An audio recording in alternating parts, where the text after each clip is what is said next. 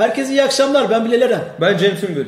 27 Mayıs 2 Haziran İlginç Zamanlar gündemi programımıza hoş geldiniz. Her salı saat 22'de teknolojinin gündemini Facebook'ta, Periskop'ta, YouTube'da, LinkedIn'de hemen hemen tüm mecralar Instagram'da konuşmaya devam ediyoruz. Her hafta olduğu gibi. Yoğun bir gündem var. Bu hafta tam ilginç zamanların Çok. gündemi oldu. Evet. Ee, hızlıca konuşmaya çalışacağız. Kamera arkasında Can bizimle beraber. Hoş geldin Can. Sesin duyulun Can. Hoş bulduk. Hoş Ha, ben ama o sesinden bahsetmiyordum. Teşekkür ederim. Harika. Hemen başlayalım mı? Hemen başlayalım vaktimiz az olan konu Evet, çok. e, Instagram'daki o 60 dakika e, kısıtına uymaya çalışıyoruz. O çok Tamam. kıymetli. Evet. E, Bu arada evet yani hemen onu söyleyelim. Bu hafta Mixer ve Twitch'ten de yayındayız. Yani Twitch'ten zaten yayına başlamıştık ama Mixer'den de yayındayız.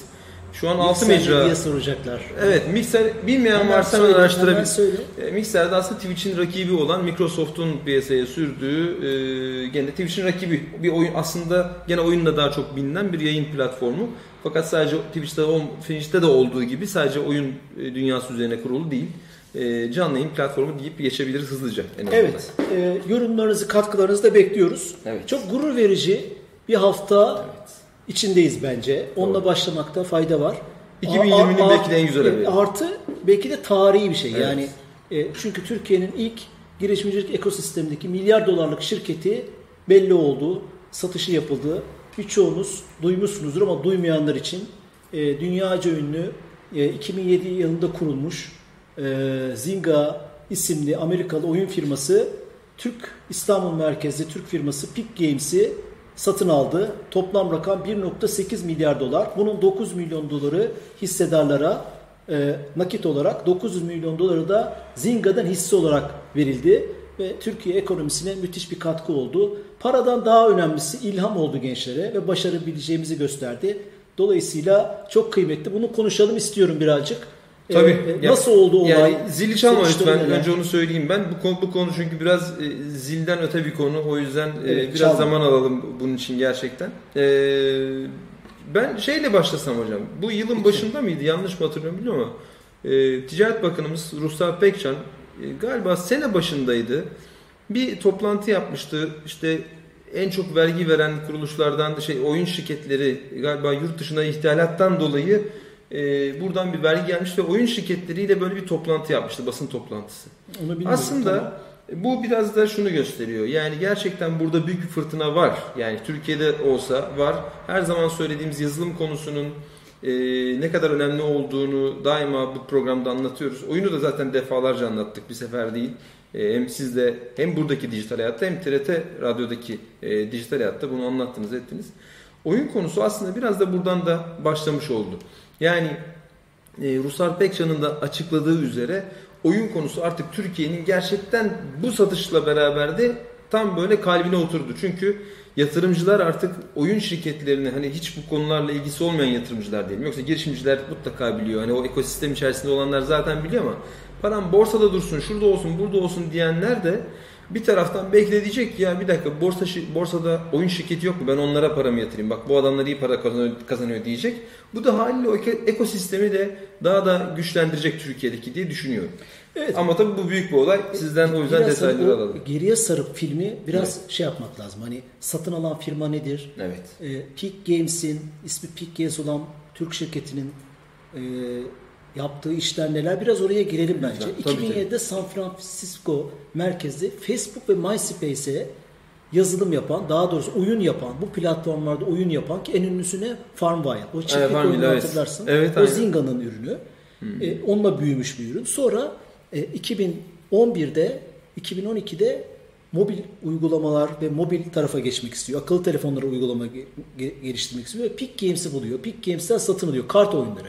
Çok yerli yerli oyun, oyunlar aslında. Okey, tavla Okey, gibi evet, oyunları. aynen öyle. Öyle bir oyun satın alıyor ve Amerika'da ve tüm dünyada Peak Games'in tetiklediği bir rolle 3000 çalışanı olan 10 milyar değerli e, senelik 1 milyar dolar cirosu olan bir şirket Zynga. Büyük bir şirket. Evet. E, oyun firması. Ama mobil tarafta PC oyunu üretmiyor. Bu çok önemli. Doğru. Doğru. E, e, Aslında bu- bir- bu- bu- bulmaca bugünlerde kart oyunu. evet. Hani basit oyunlar zaman geçirebileceğimiz Gündelik. öyle evet. strateji oyunları gibi Fortnite, PUBG gibi oyunlar değil. Evet. Dolayısıyla ilk ilk aslında tanışmaları e, bundan 5-6 sene önce oluyor. Sonra e, o Peak Games'in ekibi 100 kişilik yaş ortalaması 29 olan ekip e, şöyle bir alana giriyorlar. Bulmaca oyunları ile ilgili çalışmalar yapmak istiyorlar ve bugün satışa konu olan iki oyunu ne onların ismi? Toon Blast ve Toy Blast. Evet, o oyunların videolarını verebiliriz Can. Hani ka- Toon kafa- kafamızda başlayalım. daha iyi canlansın. Doğru. Aslında boşluk doldurduğumuz, ufak ufak renkli patlattığımız e, e, Evet. bir oyun. Hani tarif bile edemiyorum oyunu. Ama oynayanlar çok daha iyi bilecektir. Tabii, tabii. Bu, bu, bu oyunları geliştiriyor ve Avrupa pazarında 13. Amerika pazarında da ilk ona giriyor. Candy Crush da bunun gibi oyun değil mi? Yanlış mı biliyorum? Benzer, Tabii, tabii, benzer evet, doğru. evet, aynen. Ve bu iki oyundan aylık 40 milyon dolar kar ediyor. Reklamlar ve içinde join Aylık biletler 40 milyon evet, dolar. Aylık 40 milyon dolar. Senelik ciro 420 milyon dolar. Büyük bir para. Hani aslında belki şu da sorgulanabilir. 1.8 milyar dolar, 400 milyon 400, dolar evet. senelik. E, e, bu, hani ekonomistler, iktisatçılar daha iyi yorumlayacaktır. Doğru Dolayısıyla e, e, ilk satın almayı bundan 4-5 sene önce Zynga almak istiyor, satmam diyor. Çok doğru bir harekette. İstanbul merkezli Peak Games ve işte CEO'su, kurucu ekip, yatırımcılar. Sonra bugün geçen hafta kesinleşen satışı yapıyorlar. Bu çok önemli. E, Amerika'da ilk onda oynanan bir oyun. E, başarıların arkasında ne var? Biraz Evet. belki onu konuşabiliriz. Hem Türkiye'ye bize etkileri ne olacak? Çünkü buna devlet de sahip çıktı. Hep görmüşsündür. E, şu- Tabii, tabii. bu- bu- Evet, evet, bu hani doğru. tırnak içinde olumsuz tabloda iyi bir şey oldu. Kesinlikle, Yani evet. bugün Türkiye'de hem Borsa İstanbul'da olsun hem başka değerlemelerde olsun çok az firma var. 1.8 milyar dolar, 2 milyar Tabii. dolar edecek. Türk, Dolayısıyla Türk Hava Yolları ne kadar değerlemesi acaba? 5 Bir milyar dolar 5 civarı. milyar dolar civarı. Neredeyse yarısına e, Yani düşünsene- şeker patlatma oyunu demek Evet, istemiyorum. evet, Bir oyun. Dolayısıyla hani hem kıymetin, değerin ne olduğu, hareketin, değer muhasebesinin ne olduğunu gösteren bir şey. Hem ne kadar az kişiyle, 100 kişiye, 100 kişilik Evet. ekiple hepsi çok kıymetli. Evet. 1.8 milyar dolarlık değer üretmek çok önemli. E, bu bir kere e, herkese ilham olacak. Evet. Yani Türkiye'nin oyun sektöründeki, dünya oyun sektöründe bütün spot ışıklarının buraya bakmasını sağlayacak. Bu çok önemli. Evet. Bu Türkiye'den de müthiş şirketler giriyormuş ki bundan geçen sene biz bunun haberini de yapmıştık. ODTÜ merkezde Gram Games'i de satın almıştı. Aynen. Evet. E, e, e, şey Zynga. Dolayısıyla hani bütün o spot ışıklarını dünya büyük e, oyun şirketlerinin ya Türkiye'de bir şey Ne oluyor. var oluyor diye? Burada Doğru. bir ekosistem var, bir atmosfer var diyecek ve ufak ufak bu tip stüdyo evlerini, oyun üreten stüdyo evleri satın almalarını veya onları ortak olmalarını, yatırım Evet. yapmalarını sağlayacak. Bu önemli. İkincisi şöyle bir avantajımız var. Oyun için, diğer alanlar için pek söyleyemem ama oyun için küçük uf- ufak stüdyolar yeterli. İkincisi Hmm. Silikon Vadisi gibi coğrafya bağımsız bir Evet. e, iş bu. Çünkü e, e, dünyanın neresinde olursanız olun e, çok şey önemli değil ama bir ürün üretirken Amerika'da olmak çok kıymetli olduğu kadar oyun için aynı şeyi söyleyemiyoruz. Yani bu bir avantaj olarak söylüyorum. Evet. İstanbul'dan da, Tokyo'dan da, Dublin'den de, Kahire'den de iyi bir oyun şirketi çıkıp dünyada o iyi bir pazarlama ile growth hacking diyorlar ya buna. Evet. E, e, insanların telefonlarına kullandıkları uygulamalara pat diye oyunların reklamını vererek bunu yapan firmalarla anlaşarak biraz da pazarlamaya para ayırarak insanları bu oyunları oyun, oynatmaya teşvik edebilirler. Ve Doğru. o indirilme sayılarını bulduktan sonra sonra markette bir liste var. En çok oynanan oyunlar, en çok indirilen uygulamalar. Dikkati çekebiliyorsun. Yani spot ışıkları sana bakıyor. Evet. Bu çok kıymetli. Silikon Vadisi'nde şöyle bir sıkıntı var. Hep övüyoruz, müthiş başarı diyoruz. O bir o bir kenarda durmak şartıyla şunu söylemek lazım. Ee, e, Silikon Vadisi şirketlerinin üzerine büyük bir baskı var. Ee, birincisi bu. İkincisi sadakat ve sabırla ilgili o kadar çok firma var ki çalışanların sadakat ve sabırların az olduğu ile ilgili bir makale okumuştum. Yani hemen çıkıp kendim de şirket kurmak istiyorum diyormuş. Sabırları azmış. Niye? Çok fazla yarışan var. O büyük bir Doğru. rekabet, yıkıcı bir rekabet var. Dolayısıyla bu Silikon Vadisi'nin o baskısı Silikon Vadisi dışındaki ülkelerde, bizim gibi ülkelerde yok. Yani bizde Evet, doğru. Peak Games'e bir baskı mı var? Dünyaya satılacaksın, en büyük sen olmalısın. Hayır. Başka baskılar var mı? Bu baskı okulu avantaja çevirebiliriz ki çevirdik işte. Evet. Yani biraz böyle bakmak iyi. lazım. Tabii doğru bu gözle bakmak lazım. Ee, Yani sadece iki oyun mu bu, bu, bu başarıda büyük pay sahibi yoksa aslında başka şeyler de var ve o Şöyle, yüzden bugün bir Anadolu Ajansı röportajını okudum Peak Games'in ürün yöneticisini. Ee, ürün, yöneticisinin diyor ki yakında birkaç firma daha gelecek milyar dolarlık diyor. Yani e, çok enteresan şeyler var. Demek ki hani Hmm. burada bir ekosistem oluştu. Yavaş yavaş kolay bir şey değil. Yavaş yavaş artık zorluyoruz. Yani e, güzel bir Evet. şey söylüyor. Güzel bir haber veriyor. Ee, Hakikaten güzel haber. Bu arada biraz süre alalım tabii. Ha, e, 8.5 dakika. Okey, tamamdır. Yani bu önemli. Bir şeye mesela dikey olarak sadece dikey dedim. Dikey olarak çalışmak. Yani bulmaca oyunları bak. O kadar e, şey oluyorsun ki, fokus oluyorsun ki bu işe kanalize oluyorsun ki inanıyorsun. Evet. Bu başarıyı getiriyor. E, ekip de hep genç arkadaşlardan oluşma. E, oyun sektöründe tabii çok yaşlı Özellikle zaten insan genç bulamazsın arkadaşlar. ama Doğru. bu gençlere önem inanmak ve. CEO'sunun da e, Sıdar Şahin'di sanırım. Evet Sidar Şahin doğru. insan kaynakları noktasında acayip titiz olduğunu e, Hmm. öğreniyoruz verdiği röportajlardan, başkalarından. Evet. E, zamanı büyük çoğunu ekiple geçiriyormuş. Hiç mesela hiç televizyonları, radyoda röportaj Hmm. verirken bir yerde konuşurken göremiyorsun kendine. Baktım ben hani hiçbir yerde konuşması yok. Yani kapatmış kendini. İçeride Ve ekiple beraber hem işi alırken insanları eğitiyor. Bilkent'te ODTÜ'lü, Boğaziçi'li Hmm. şey çocuklar, sıfır çocuklar yani onları yetiştiriyor. Bir okul gibi aynı zamanda Peak Evet, Games. Belki evet. Peak Games'ten çıkan elemanlar başka Kesinlikle. şirketler kuracak ve Evet. ufak ufak onunla yarışacaklar. Dolayısıyla aynı zamanda bu tip şirketler okul görevi de görüyor. Yani Doğru. ilk çıkış nasıl işte savunma sanayinde Baykar'ın yaptığı, orada çalışan çocuklar e, bir süre sonra kendi şirketlerini kurmaya çalışacaklar dikey alanlarda. Doğru. Bunlar okul görevi de görmüş oluyor. Böylece sistem böyle gelişiyor yani tüm. Yani e, yanlış hatırlamıyorum değil mi? Peak Games'in tabi reklamıydı. Evet. Galiba 47 kanalda birden e, ya da Türkiye'deki bütün kanallarda hep bir anda aynı reklamı görmüştük. Ya ne oluyor televizyon beklendi insanlar e, hatta sormuştu etmişti. E, hani böyle bir nevi geliyoruz demişler gibi e, anlaşılan o ki. Evet. Ki daha sonra da çok adam Çok aramışlardı. ilginç bir Evet. şey daha var. 10 yılda sadece 25 milyon dolar yatırım almışlar yani. 10 yılda 25 milyon 25 dolar. milyon dolar. Evet yani hani devamlı yatırım alıp büyümek değil. Hmm. Sadece insan kaynağına yatırım yapmışlar. Onların eforlarına, maliyetlerine, danışmanlıklarına, işlerine, yaptıkları işlere. Çok az parayla da 25 milyon dolar az değil ama Mutlaka 1.8 da, milyon evet. dolar, milyar dolarlık Evet. değere göre çok az. Evet. Dolayısıyla yazılımın böyle de bir şeyi var. Bu da bir yazılım Tabii. dikeyinde bir alan. Böyle bir kıymeti var. Ya o da bir- dikkatimi çekmişti. 1, 1 milyar dolarla işte 1 milyon dolar arasındaki o büyük fark e, yani hissedilmiyor. Söylerken belki böyle hani bir fark bir harf farkmış gibi görünüyor ama gerçekten büyük bir fark var. 1.8 milyar dolar. Ha şöyle bir örnek verelim. E, 2000 2000'li yıllarda Türkiye'nin yaşadığı kriz sırasında 1 milyar dolardan az bir para bekliyorduk IMF'den gelsin diye gelmemişti. Türkiye'de kriz patlamıştı. Yani böyle bir örnek vererek şimdi vaktinde 1 milyar dolar gelmediği için e, krize giren bir ülkeden şimdi e, Türkiye'deki oyun şirketiyle 1.8 milyara satıldığını öğreniyoruz. Bu gerçekten e, hani hem tabii dünyanın değişimi ama Türkiye'nin de bu oyun anlamında geride kalmayacak şekilde büyük bir iş yaptığında göstergesi. Sayılarını artırsın. Amin. Bir bilgi daha vereyim. Bu iki oyunu, videolarını biraz önce verdik. İki oyunu günde 12 milyon kişi oynuyor ortalama. Günde 12 milyon kişi İki oynuyor. oyun toplamda. Bunların gördüğü reklamları düşünemiyorum. Yani reklam gör, o reklamların da e, gelirleri ayrı. Günde 12 milyon kişi oynuyorsa oradan zaten 3 tane reklam görüntülese e, oynayan kişi günde o kadar oynuyorsa e, oradan alacağı reklam geliriyle zaten dediğiniz gibi o parayı nasıl kazanıyor diye düşünsek 400 milyon dolar diyorsunuz.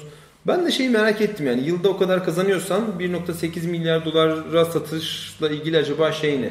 Acaba şey diye mi düşünüyor? 400 Değerleme milyon, veya evet. oradaki tablolar nasıl yapılıyor? Evet. Çünkü ciroya göre satış rakamı az gibi görünüyor. Evet. Ee, az bulduğumuzdan falan değil ama Değil, tabii, tabii. 2019 e, Sakır Game diye bir araştırma şirketinin Hmm. raporuna göre Peak Games'in yıllık cirosu o civarda. Yani şöyle düşünüyor insan basit bir şekilde. Ya ben zaten yılda 400 milyon dolar kazanıyorum. Yani ama bu içinde bilmiyorum işte harcamalar, giderler, şunlar bunlar hani o reklam giderleri şu bu var mıdır onu bilmediğim için böyle söylemiş olacağım. Yani yılda 400 milyon bir tane oyundan kazanıyorum zaten. Boş ver. 3 sene daha dursam zaten o parayı ben cebime koyacağım. Ciro yani. Ama ciro değil mi? Ha, Ciro, tamam, ciro. tamam. Yani Şimdi iş şey yapmak Okey. Ciro sonuçta başladı. Eyvallah. oradaki yönetim işe Bravo. devam edecek, yeni şeyler çıkaracaklardır. Tabii bir de o da var. Çık, exit yapmıyorlar ya tamamen. Gene şirketin başında o ekip, CEO'su, yönetimi, danışmanları, yazılımcıları hepsi yeni ürünler üretebilecekler. Hmm. Tabii. Bu çok önemli. Kesinlikle her biri Türk yani hem kendileri için hem Türkiye için belki de yepyeni değerler ortaya koyabilecekler. Ee, bu işte neydi 18 kat daha fazla e, para kazanmış Bu olabileceklerini arada düşünüyorum. varsa yorumlar lütfen onları da bakalım. Ben hani Evet, e, yok çok- bugün çok bir şeyiniz yok. Hemen karşıdan görebiliriz hocam. Ha, Ee, süper. Bugün can ekranımız var böyle. oradan evet. yorumları görebiliyoruz. Instagram'da başladı değil mi can yayınımız? Orada düğmeye basmıştım ama bir bakarsan kontrol edersen iyi olur. Burayı çok uzattık ama çok gurur verici bir şey. Bu, evet aynen öyle. Zil ama mecburen Evet. yani gerçekten değer az az bile yani. Geçiyoruz o Yayındayız, zaman. güzel. Bu hafta bir de ne oldu? 26 Mayıs'ta tam bizim yayınımızı yaptığımızın günün Amerika'da gün, bizde gece Oz'da gündüz. Ee, Evet. Twitter Trump kavgası başladı. Bu konuyu konuşalım biraz. Ee, Trump bir tweet attı. Ee, posta yoluyla, posta yoluyla yapılan e, oylamalarda, evet. e, e, seçimlere gönderilen oylarda güvenlik endişesi olduğunu ima eden bir tweet attı. Amerika'da e, posta yoluyla, bildiğimiz fiziki posta yoluyla da oy kullanabiliyor, Evet. kullanılabiliyor. Çok enteresan. O devam ediyor, o kültür devam ettiriyorlar. Burada güvenlikle ilgili 2020 seçimlerine dair bir şey attı. Trump'tan da hiç beklenmedik bir şey değil. Böyle ortalığı e, bulandırmayı, yeni, Yeni bir şey konular, yok. yeni tartışmalar açmayı seviyor. Hemen bakın aa burada başka bir şey varmış diye. Neyse e, Twitter e, ilk defa Evet. bir teyit mekanizmasını, kendince teyit mekanizması Trump'ın tweetinde gösterdi ve altına görselde görüyorsunuz teyide muhtaç bilgi olarak işaretledi. Linke tıklıyorsun, çeşitli bir sayfaya gidiyor orada bununla ilgili tartışmaları görebiliyorsun, linkler var. Evet. Yani ve e, aslında bir engelleme yok ama altına bu geldi. Tabii, tabii Trump bunu görünce e, patladı ve fırtına kavga başlamış oldu. Twitter yürek mi yemiş gerçekten bu hakikaten yani Donald Trump'la başlamak gerçekten bomba iş yani. Düşünüyorum Evet da. burada e, mesela Facebook'un bir teyit ve doğru- doğrulama merkez stratejisi var. Evet. Mekanizması var. Ülkelerde çeşitli kurumlarla, Türkiye'de teyitle mesela teyit.org'da, İngiltere'de çeşitli First Draft gibi e, Evet. e, dünyada Reuters'la falan anlaşarak bu teyitleme yani yanlış bilgi doğrulama mekanizmaları için işi bilenlerle çalışmaya Evet. başladı. Twitter ise tam tersi ben buna ben karar veririm bir an- anlamda. Bunun e, teyide muhtaç olduğunu ben işaretlerim ki değişik bir çıkış. Yani tam Evet. doğrulama meka- mekanizması gibi değil aslında. Standartlara çok uymuyor ve Doğru. Trump'la başlaması. Atıyorum Trump mesela bu olaydan sonra İran'ın bilmem dini liderini neden altına yazmıyordun? Kasım Süleyman'ın ölümünden sonra şey çağrısı yapmıştı. Cihat çağrısı. Onu niye bak şiddete çağırıyor gibi tweetler attı. Haklı. Dolayısıyla bu kavga başladı. Sonra ve aniden birden iki gün sonra şöyle bir tweet geldi. Arka arkaya başka tweetler atıyor. Nasıl yaparsın bilmem ne siz düzenleyeceğiz ya da kapatacağız gibi Evet. şeyler söyledi. İki gün sonra çekmecesinden, çekmecesinden diyorum. Daha önce bu zaten geçen sene konuşulmuş bir olaydı. E, sosyal medya kararnamesi adı altında daha doğrusu 1996 tarihli Amerika'da iletişim uygunluk yasası diye bir yasa var 96 tarihli. O, o yasanın 230. bölümünde sosyal medya şirketlerine daha doğrusu çevrim içi platformlara iki hak vermiş Amerika devleti. Demiş ki bir tanesi çok önemli burası. e, siz sosyal medyada bir içerik paylaşıyorsunuz. Onun sorumluluğu kullanıcıdadır. Sosyal medya şirketlerini bunu azade etmiş. Sosyal sosyal medya şirketlerini bu işten muaf tutmuş. Bir- 230. madde. Bir de ikincisi de bu içeriklere müdahale etme hakkı. Ekleme, çıkarma, silme yapma hakkı vermiş. 230. bölüm. Dolayısıyla geçen sene 2019'da bazı olaylar var. Şimdi oraya girmeyelim. Bu kara- bu 233. maddenin değişmesi gerektiği ilgili bir tasa- yasa tasarısı hazırlamışlar. Trump ve ekibi. Fakat o çekmecede bekliyor. Bu olay olunca çekmeceden çıkartıp bunu artık ben bu size bu hakları alacağım. E, biraz sonra konuşuruz. O hakların alınması ne anlama geliyor? Ve öne sürdü ve Beyaz Saray'da şeyi de kaldırarak imzaladı ve yürürlüğe soktu. Yürürlüğe soktu derken bu kongrenin onayına gidecek. Gidecek. Ya bu bir kararname. Evet. E, Kongrede senatörle toplanacak daha yürürlüğe girmiş bir şey değil. Yani tasarı halinde. Evet. Ama imzalamış oldu başkan. Ki Cumhuriyetçi Parti içinde ben takip Destek. ediyorum olayı. Hı hı. Destek olduk, ol- olanlar olduğu gibi destek olmayanlar da var. Yani oylama kritik geçecek. Bu konu Evet. önemli Can.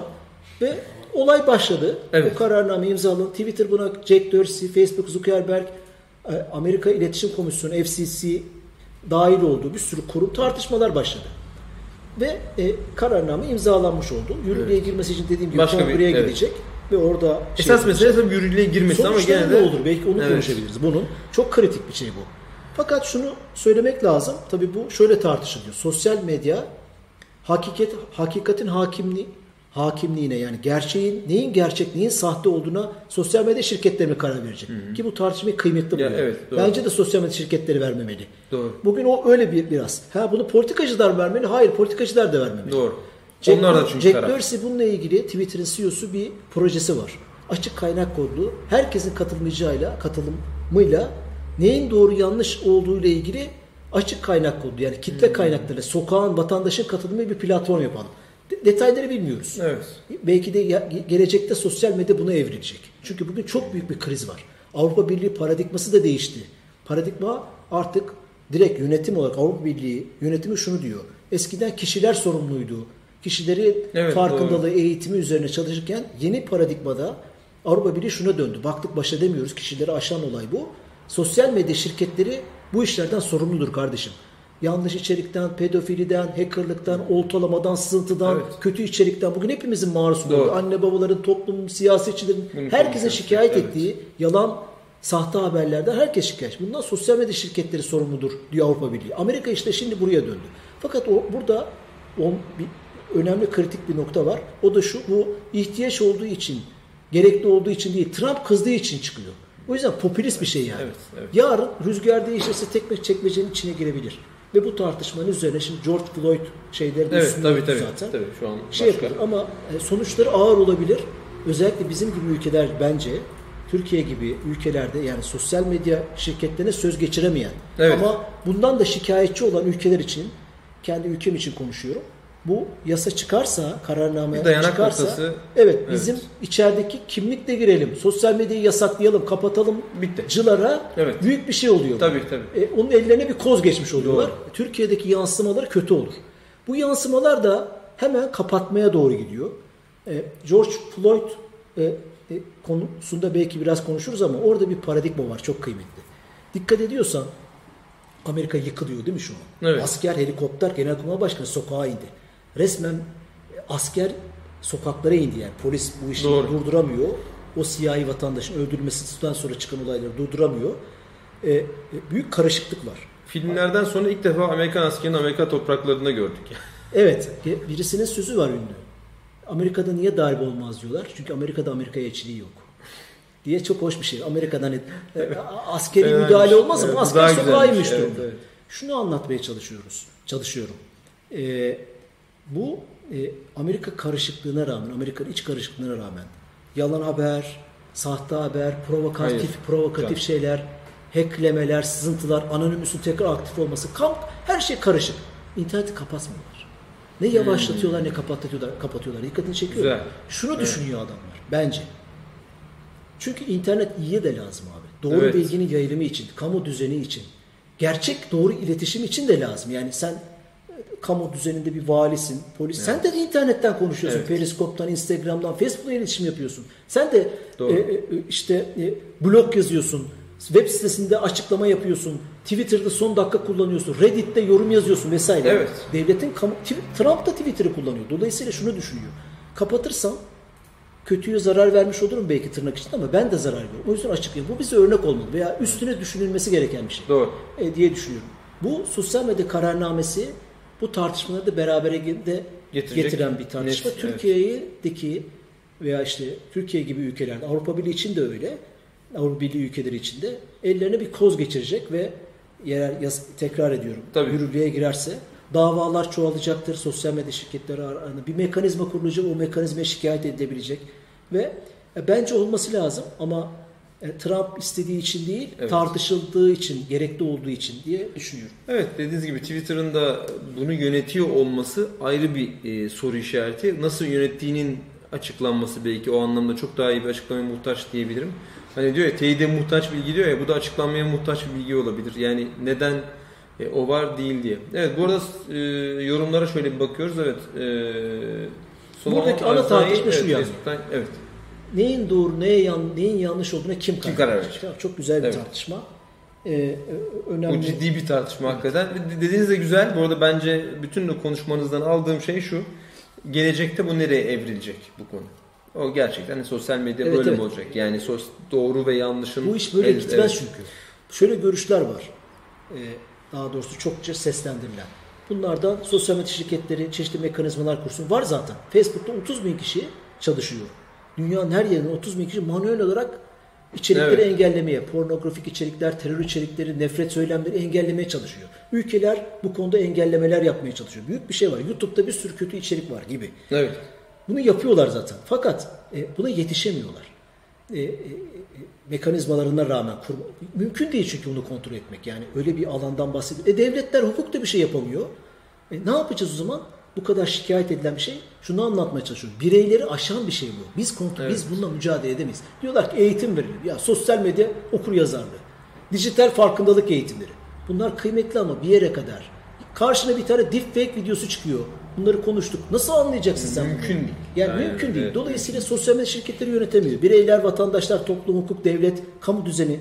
O zaman modeli değiştirmemiz lazım. Değişmesi lazım. Evet. Yani iş modeli değişmesi lazım. Ee, şey Beyaz Saray çok ilginç bir tweet attı. Dedi ki siz yayıncısınız dedi. Platform değilsiniz. Bak bu paradigma. Hmm. Değişik bir şey. Yayıncı ne demek? Gazete. Evet. Bir gazete kursak beraber medya bugün medya gazetecinin ana ilkesi yaptıklarından sorumlu olmaktır değil mi? Referans göstermek. Tabii tabii. tabii. e, geri bildirimlere dikkat etmek, kimsenin itibarına e, Sorumlu haber müdürü diye Sorumlu bir şey haberci, işte. Evet, evet. evet. sosyal medya şirketleri bir yayıncı pozisyonuna Evet. evrilmeli, gelmeli ki sorumlu olsunlar diye bir tweet attı mesela. Evet. Öyle bir açıklama yaptı. Dolayısıyla Evet. Güzel tartışma. Güzel hakikaten. tartışma evet. Bunu ta- Evet. bunu bunu konuşmamız lazım ama biz bunu konuşabilecek atmosfer değil. Ben ülkem için söylüyorum. Evet. Biz de işte kimlik verilsin, kapatalım. Hukuki, hukuki önlemler olsun veya tamamen serbest bırakalım. Bazı kesimler her şey olsun, her şey de olmuyor. Kapatmak mı? Evet. Bunları tartışmamız lazım. Ama Şey, böyle evet. Rüzgar bize döndü. Yani Türkiye'nin Evet. elinde çok elinde çok güzel bir avantaj var. Yani bizi bundan sonra izleyenler, dinleyenler, bundan sonra dinleyecekler, izleyecekler için kamu idareciliği için rüzgarın Evet. Türkiye lehine döndüğünü tam bir fırsat olduğunu düşünüyorum. Bu konuda bizim diplomasiyi arttırıp Hmm. bu kurumlarla ortak çalışmalar yapmamız gerektiğine inanıyorum. Çok uzattım lafı ama Evet. önemli. Önemli, Şimdi geldi. aynen öyle. Üçüncü Ee, şeyimiz George Floyd. Bir hemen e, yorumlara bakalım. E, Facebook'tan Volkan Solomon gelmiş. e. Yalnız abi hello der demiş o bir şey yapmış. Evet Peter Fırat yazmış Diyarbakır'dan Diyarbakır, selamlar. Hoş geldin Fırat. Volkan hoş geldin. Evet ben de e, LinkedIn'de de şöyle bakıyorum. Evet yok hocam. Evet. Üçüncü Buradan- haberimiz de gene 30 Mayıs'ta George Floyd. Evet. Herkes biliyor zaten hani Tabii, tabii. programımızın Evet, konusu evet. değil olayları. Burada iki tane şey e, dikkatimizi çekiyor. Benim dikkatimi çekiyor. Konuşuruz. Bir tanesi o internet paradigmasını anlatmaya çalıştım. İkincisi de Anonymous. Evet. E, işte hacker grubu tekrar aktif oldu ve şöyle bir e, başlıkta şöyle bir e, çağrı yaptı. Ey dijital aktivistler çevrim içi maskelerinizi takın başlıyoruz gibi bir video bu yayınladı. Evet. E, e, onu şeyde Evet, şu an- görebilirler. Evet. Şimdi bu da e, evet Anonymous'un tweet'i zaten doğru. Do not take away bad. Tekrar Evet. Hayatımıza bir şekilde girmiş oldu. Ee, Evet, uzun süren sessizlik sonrasında evet, bu da videosu zaten şu an videosunu ekranda. Türkçe'ye çevirmiş bir arkadaşımız. Kim yaptı bilmiyorum. Twitter'da gördüm. İzleyebilir herkes onu. Hmm. Ee, YouTube'da da var. Ee, şey diyor. Polisler, biz nasıl görünürüz? Polisler de görünür olmalı. Ne yapacağız? Hepsini hackleyeceğiz. Kirli çamaşırını ortaya çıkaracağız. Bizi döven, ezen, saldıran polisin kimliğini yayınlayacağız. Hakikaten yapmaya başladılar. İşte sitelere Ferguson olaylarının şeylerini yayınlayacağız. Bizi ilgilendiren kısmıyla Pizzagate'in şeyini açıkladılar. O Pizzagate- Epstein, Epstein, Pizza- Epstein Pizzagate skandalını- Harbi değil pardon. Trump'ı ilgilendiren dosyasını bulmuşlar. Onu web sitesinde yayınladılar. Jeffrey Epstein'le olan ilişkisini bağlı. o yüzden gördün anlattı. demek ki tamam. Bugün bugün mü dün mü ne gördüm çünkü Epstein'in gene galiba çıkıyor herhalde Bizim değil mi? ayrıca o yayınımızı 10 bin kişi izlemiş. Birçok birçok yorumlar var. Hayatınıza dikkat edin. Aa, enteresan. uçurmasınlar. YouTube'da da var. Bana özel atanlar da var. Kızanlar var, eleştirenler var. Devam edin arkanızdayız falan. Hiç kimse konuşmamış Pizzagate. Siz konuşmuşsunuz.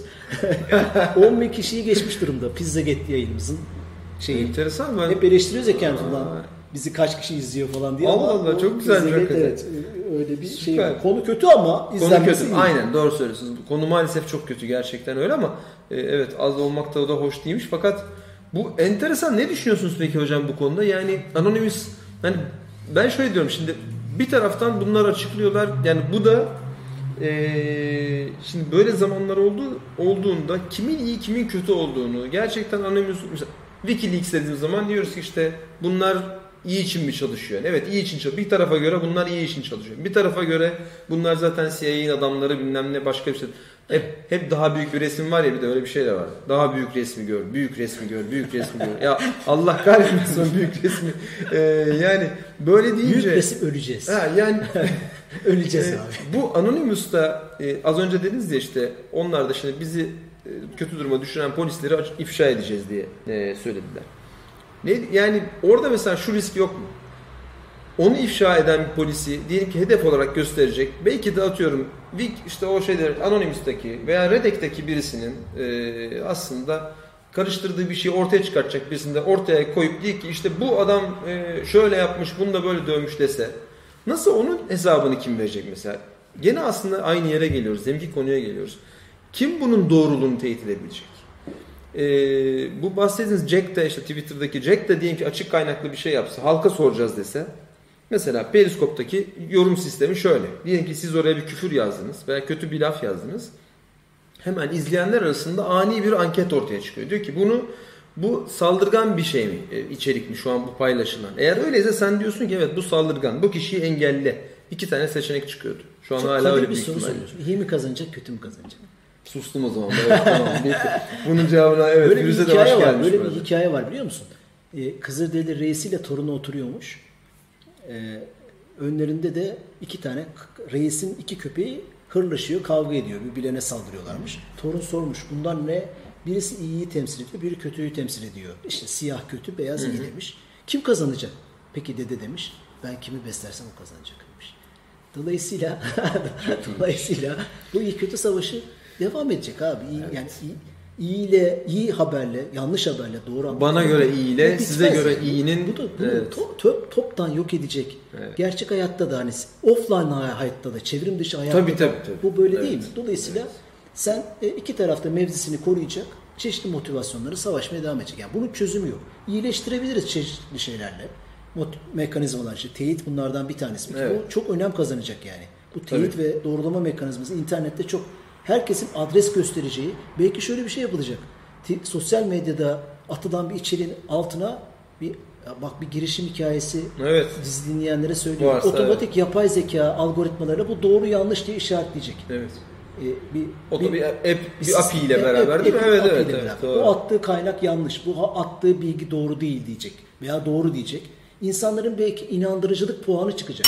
10 üzerinden 8. iyi, çok Cemil'in iyi. attığı Evet, şey evet. diyecek ki mesela bu adam 10 üzerinden 8 doğru. Ha güvenilebilir. 10 üzerinden 10 üzerinden 0. Her şey yalan ya bu adamın. Siyasetçiye de koyacağız bunu. En- Evet, Zaten tabii politikacılar Zaten, yayıyor evet, en çok. tabii. Siyaset kurumu Doğru. yayıyor tüm dünyada. Onların puanları olacak abi. Bağımsız kuruluşlar tarafından. O puanlamayı verecekler. Müthiş iş ha. Varsa dinleyen. Varsa şey evet, aynen öyle. var. Sosyal paylaşım sitelerinin kapatılması veya erişimin engellemesi anarşist grupların bir araya gelmesini engellemez mi? Veya kamu düzeni sağlanmasını nasıl değerlendiriyorsunuz? evet, bu demin sizin şey demeniz üzerine hocam. Ee, interneti sınırlamanın yanlış olması ile ilgili ee, konu. E, engellenemez Şey, mi? Evet. Hayır işte biraz önce konuştuk yani. Evet, evet aynen öyle. yani. Evet. Firuze'ye selamlar bu arada. Firuze hoş geldin. Ee, Firuze Kaymaz eski arkadaşımız. Ee, evet yorumlarınız çok yararlı. Nurettin Sersil e, LinkedIn'den yorumlarınız çok yararlı. Teşekkürler. Şeref Sağ verdiniz. Hoş geldiniz. hoş geldiniz. Hanım, Nurettin Bey. Devam edelim. Dördüncü haber. Can, Can burada kuduracak, bize çal, saldıracak. 34 dakika oldu, bang 60 bang dakika bang şeyimiz var. Çok haklı. Ee, dört. Bir, bir şey daha oldu. Ee, Elon Musk'ın hayallerinden biri daha gerçekleşti. Elon Musk için. Evet. Evet, Güney Afrika'da doğmuş. Ee, aslında bir göçmen ki Amerika'nın o göçmen fotoğrafını iyi gösteren bir şey. Doğru. E, e, e, evet zengin bir aileden geliyor. Annesi top modelmiş. Ama olsun. Evet. Tırnaklarını kazıyarak başarısı ola ola ola red yiye yiye e, birçok projesini hayata geçirmeye başladı. Ne oldu?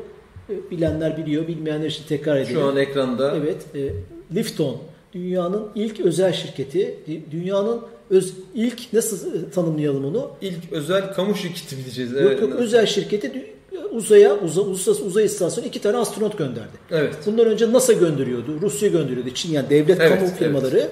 İlk defa bir özel şirket, kargo şirketi, SpaceX Doğru. kargo şirketi. SpaceX evet. e, yeniden kullanılabilir roketleriyle ki o müthiş bir olaydı. Tabii tabii en güzel olay En oydu. şeyleri, maliyetleri düşüren bir şey. Evet doğru. E, kargo taşımacılığını a- insan göndererek yapmış oldu. Tabii hayallerinden biri işte. Evet. Hyperloop, tünel, uydu projesi, Neuralink, beyinleri kontrol edeceğim proje, Tesla'sı. Evet.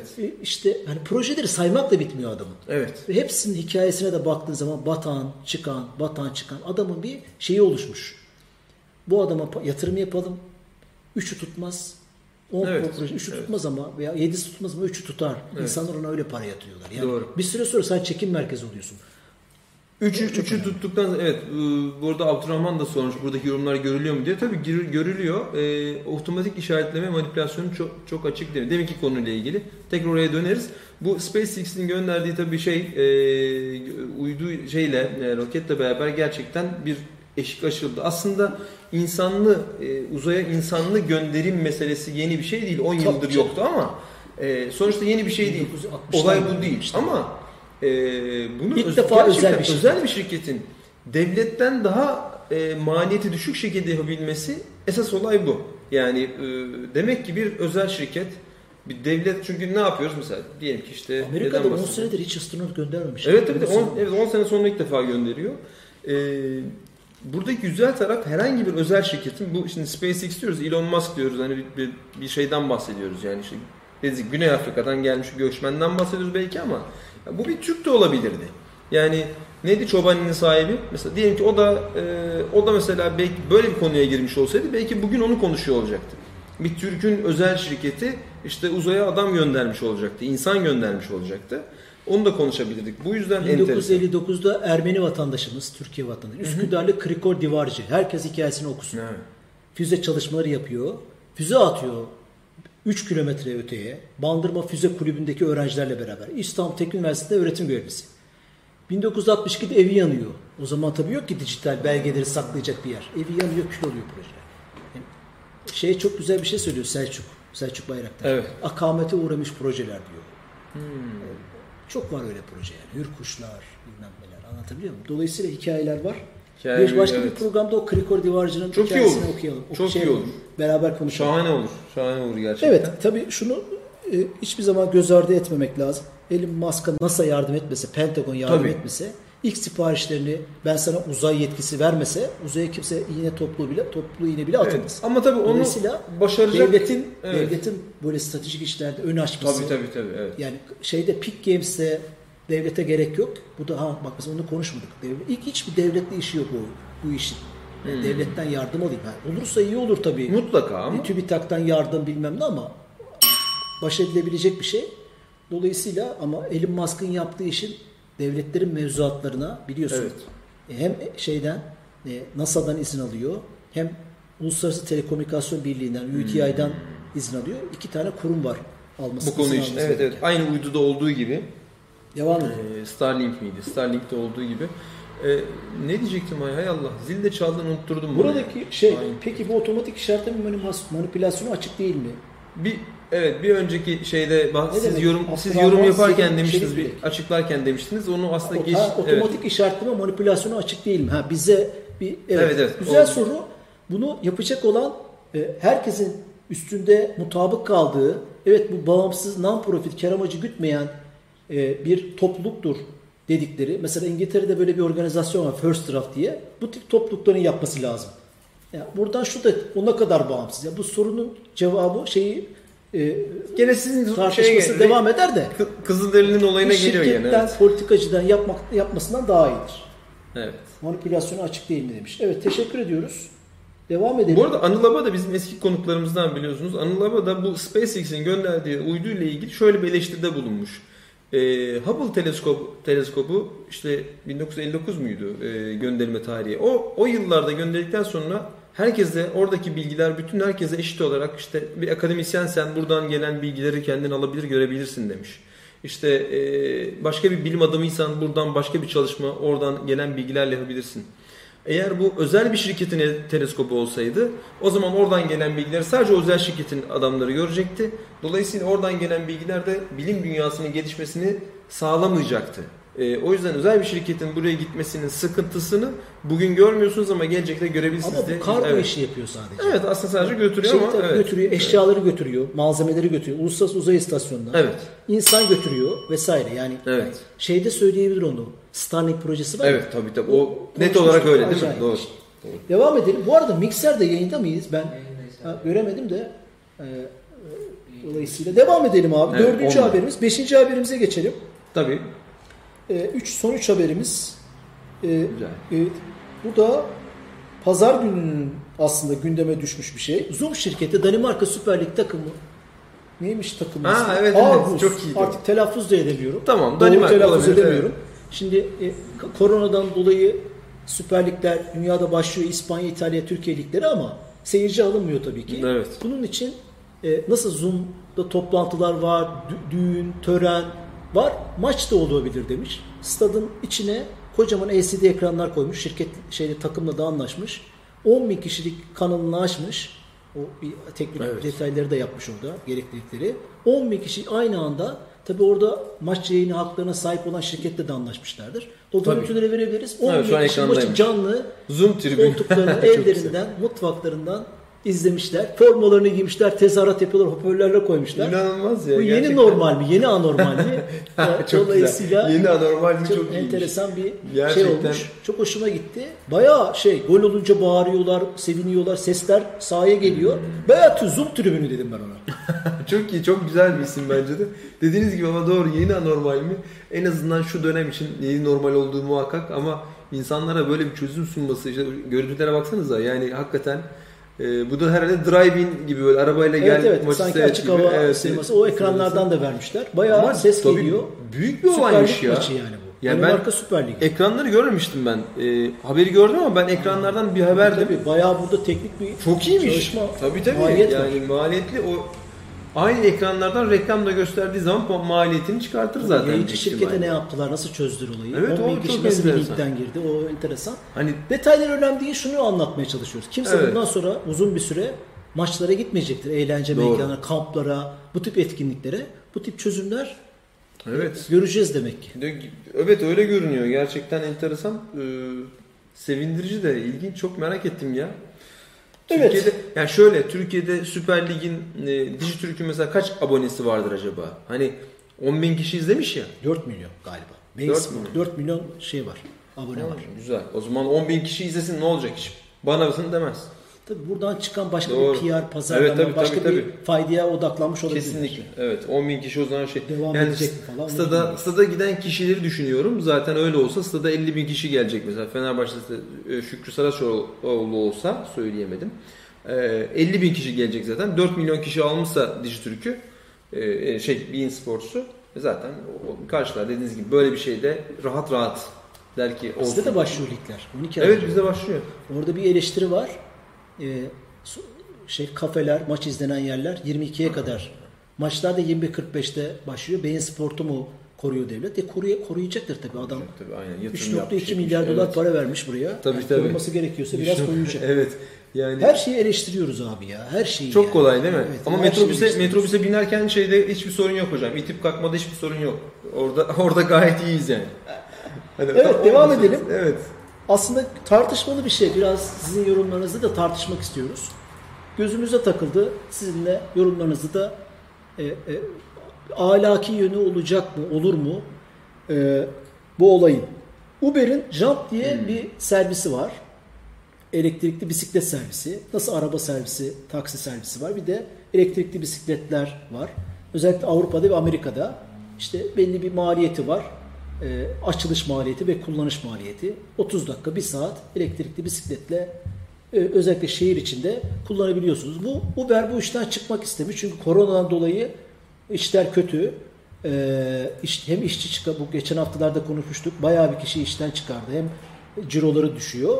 Bu e, jump servisini gene başka bir rakibi olan, daha sonra ona da yatırım yapan ve rakibi olmaktan ziyade artık partneri olmuş olan Lime şirketine devrediyor. Artık elektrikli bisiklet işini sen yap diyor. Ve elinde kalan 20 bin tane elektrikli bisikleti e, geri dönüşüm merkezinde videosularda, görüntülerde seyrettiğiniz şekilde yok ediyor. Tam anlamıyla yok etmek. E, bunu niye gündem yapıyoruz? E, Amerika'da oluyor bu olay. E, bayağı da iyi durumda görünüyor elektrikli bisikletlerin durumu. Bunları niye bir vakfa, derneğe, bu konuya ihtiyacı olan insanlara veya bir sosyal sorumluluk projesinde bir projeye dönüştürmüyorsun diye sorduklarında Uber Jump'ın ürün yöneticisi beyefendi şöyle bir açıklama yapıyor. Benim çok ilgimi çekti. Yani bu ilgimi çekti derken e, şaşırdım. E, e, biz de düşündük onu fark ettik diyor. Böyle talepler geldi. Fakat sorumluluk almak istemedik diyor. Yani bunları devrettikten sonra bir STK'ya diyelim veya bir okula örneğin veya başka bir kamu yararı gözeten, e, kar amacı gütmeyen bir oluşuma bunlar da bir problem çıkarsa atıyorum elektrikli motoru patlarsa e, işte veya çalışmazsa arıza çıkarırsa bununla ilgili vatandaşa da onu kullanan vatandaşa da bir şey olursa sorumluluk almayız. de, Almak istemedik diyor. Ne güzel değil mi? Bu, bu enteresan geldi bana. Yani e, bize satarken, kiralarken sorumluluk alıyorsun. Çok anlaşılır. Sigortayla, kaskoyla vesaire. E, bunu e, birilerine verirken niye sorumluluk almak istemiyorsun? İşin bitti mi? Veya sadece e, para odaklı, para odaklı tabii ki şirket ama e, e, burada bir ekonomik kaygı neden gütmüyorsun? E, tam bir böyle yorumlar da okudum. Ya korkunç bir kapitalizm e, örneği olarak da anlatılabilir. Ne dersiniz? Ne dersin? Yani sizin söylediğiniz bence ben o ana kadar e, bunları geri dönüşme yollaması ile ilgili sizin söylediğiniz şu nokta çok dikkatimi çekti. E, Bunları ticari olarak kullandırtıyordu insanlara. E, Onları kullandırtırken bir risk varsa dersin ki tamam ben kullanırken bunu bakımını yapıyorum bilmem nesini yapıyorum ama sonuçta bunu bir vakfa diyelim ki aynı değerle versen onlar da sonuçta o günden sonra onun bakımının e, yapacaklar ve sorumlulukları onlarda olacak. O yüzden söylediğiniz gibi Dava yani ya- açılmasından mı korkuyor? dava açılsa ama yani zaten devrettikten sonra nasıl bir dava açabilir? Yani ya da şöyle bir şeyden mi korkuyor? Onlarda zaten bir sorun vardı. E, o yüzden o sorunlar ortaya çıkmasın diye ben bunu hemen yok mu edeyim dedi o 20 zaman. mesela. bisiklet ya. E, hani yanması muhtemeldi bunların zaten. O zaman böyle bir problem vardı. Hani diyelim ki çok komple teorisini gibi konuşacağız ama o zaman böyle bir problem vardı. Vermek istemediğine çıkıyor kapı. O da kötü yani. PR olarak bakarsanız zaten sorunlu bir yerde Uber içinde bakarsanız bu da kötü. Ee, değilse niye vermediğin için de kötü zaten. Yani e, çok rahatlıkla verebilirdi. Ee, 20 bin bisiklet de az değil. Ee, özellikleri de gayet güzel. Sorunlu bisikletler de değil göründüğü kadarıyla. Yani sorunlu olanları kö- kenara yani çok Basit bir şey yapalım. bir şekilde. Değilse bunları e, Bize düşer mi bunu konuşmak? Düşer, şöyle düşer. Hani niye bu gündemi Ne şey yapıyoruz? yapıyoruz? Yani e, kuracağımız işler, insanları ahlaklı iş modelleri neden kuramıyoruz? Yani sadece para odaklı e, bu, bu, bu iş iş değil yani. İnsanlığa Evet. şey de getirmiyor anladın mı? Fayda da getirmiyor. E, birisine faydalı olma bu acaba bizim için Türkiye için de bir fırsat. Yani yapacağımız işlerde biraz bunları da düşünmemiz lazım. Aslında burada e, belki de şeyi hatırlayabiliriz. Zil çaldı ama e, hocamızın dediği e, yayına katılan hocamızın e, sizin bilgiye yolculuk için Kemal yaptığı- İnan Hoca. Kemal İnan Hoca'nın dediğine gelmiş oluyor diyebilirim. Şu ne, nedir o? E, paylaşım ekonomisi diye öne çıkan bir şirketten bahsediyoruz. Uber'den bahsediyoruz. E, ama burada da görüyoruz o şey diyordu biliyorsun. Kırıntı ekonomisi o. Paylaşım ekonomisi falan değil diyordu. E, bir nevi Kırıntıları paylaşım. Kırıntıları paylaşım ekonomisi diyordu. Burada da hakikaten paylaşım ekonomisiyle böyle bak gördün mü işte adaletli bir şey yapıyoruz. Sen de gel sen de kazan da diyen şirketin ya vakfa vermeyelim onu biz bunu e, burada eritelim gitsin demesi sanki kırıntı ekonomisi konusuna daha yakın olduklarını gösteriyor gibi geldi. Ebu Bekir yazmış. Şöyle düşünmüş olabilir. Acaba ticaretle dökmesi, ticarete dökmesinler diye olabilir. Hani bunu alacak. Öyle bir Yok. öyle bir gruba verirsin. tabii. Yani Ticarete o vakfa verdikten sonra ya kendin bunu eritiyorsan aynı paraya başkasına ver o da girsin ticarete ne olacak ki? O yapıyor. Yapabiliyorsa yapsın yani. Aynen. Evet. e, son haberimiz koronavirüsün insanlık anlamında her şey hiçbir şey değiştirmediğini hani şöyle yorumlar var ya hiçbir şey eskisi gibi olmayacak. Değiştirmediğini e, gösteren bir haber. O yüzden gündeme alalım istedik. İsrail gazetesi ki e, herkes e, çok büyük bir e, medya alanında saygı duyulan bir gazete, gazetecilik geçmişi olan bir gazete. İsrailli Ha- Haaretz'e göre Mayıs ayı başında İranlı hackerlar e, İsrail su şebekesine saldırıp klor seviyesini yükseltmek istemişler. Yani çeşmelerimizden atan suya atılan klor seviyesini yükseltmek istemişler hackerlık marifetiyle ve işte orada zarar vermek istemişler. Çok kötü bir şey tabii bu. E, bunun üzerine de olmamış ama bir türlü yapamamışlar. Bir sıkıntı çıkmış veya fark edilmiş. O detaylar yok. E, İsrail misilleme olarak da İran'ın 3 tane limanını 3 gün boyunca 4 3 gün boyunca e, felç etmiş e, orayı ve gemiler yanaşamamış, bilgisayarlarda problemler çıkmış. Böyle bir misilleme yapmış. Tabi bu Haaretz'e göre bir şey Evet. asimetrik bir olay da olabilir. Hani yapılmıştır ama İranlara İran da Evet. şöyle bir açıklama yapmış. E, e, ş- bizim sivil insanlar kırmızı çizgimizdir. Her şeyi yaparız ama Hmm. sivil insanlara dokunmayız gibi bir açıklama yapmış. Nereden bakarsan bak bu masa başı hazırlanmış bir asimetrik bir şey de olsa, Evet. e, gerçek de olsa bunu düşünebilecek kadar e, gündem yapabilecek Evet. insanların olduğunu bilmek e, Doğru. insanları ürkütüyor. Kulor seviyesini yükseltme ileri. demek ciddi Tabii tabii. içersen hasta Aslında olursun. Aynen öyle aslında. Büyük Hiç- problemler çıkar yani. Ve büyük bir kitleye, 3-5 kişiye Evet. değil, tüm şehre, tüm ülkeye. Evet.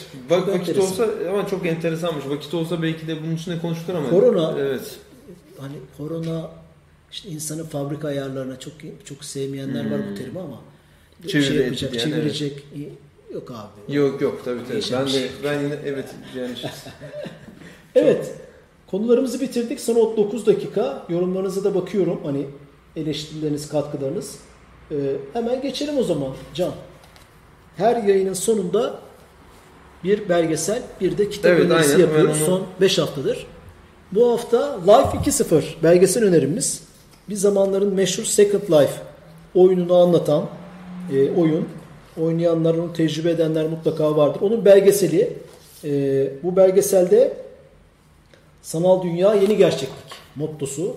Herkese tavsiye ederiz. Kitap önerimizde Aldous Huxley'in e, ünlü İngiliz yazar 16 yaşında kör olan e, kör olduktan sonra adeta fikirleri e, değişen ve inanılmaz kitaplar içerik çıkaran bir adam. E, 1894-1963 yılları arasında yaşamış. 1931 yılında yazdığı Cesur Yeni Dünya 1931'de bu, bu kitabında e, Amerika'da yazmış bu kitabı İngiliz ama Amerika'ya taşınmış o süre içinde. E, Amerika'daki e, işte ütopik sanal ütopyayı daha doğrusu süslenmiş ütopyayı hani yeni yeni dünya e, Evet. yeni Amerika hayal Hmm. rüya onu distopik bir hikayeyle anlatmaya çalışmış. Bunu niye verdik bu kitabı? Geçen hafta e, e, bizim George Orwell'ın 1984 kitabını ile beraber veriyoruz. İkisini okumak çok iyi olacaktır aynı anda. Yani birini okuduktan sonra bir seri gibi düşünün. İki tane düşünürün 1948, biri 1948'de yazılmış, biri 1931'de. Adeta bugünleri anlatır iki kitap. Başucu kitabı olmalı. Bunlar roman ama e, oradan e, çok çıkaracağımız dersler var. Son olarak şunu söyleyebilirim. Mesela iki kitap arasındaki en çarpıcı iki ifadeyi söyleyeyim. George Orwell 1984 kitabında şunu söylüyor. Hakikatin bizden gizlenmesinden korkuyorum. Aldous Huxley ise İngiliz yazar. İkisi de İngiliz bu arada. Hakikatin umursamazlık denizinde boğulmasından korkuyorum. Birisi gizlenmesinden gerçekler bize gösterilmeyecek, saklanacak. Birisi de ki ben bu görüşe daha çok yakınım. sanki de bugün Hakikatin için umursamazlık denizinde hakikat var ama o denizde boğulacaktır evet. ifadesini kullanmış. E, şiddetle herkese öneriyoruz. Yani e, George Floyd olaylarından sonra işte bak George Floyd'u mesela hepimiz artık biliyoruz ediyoruz.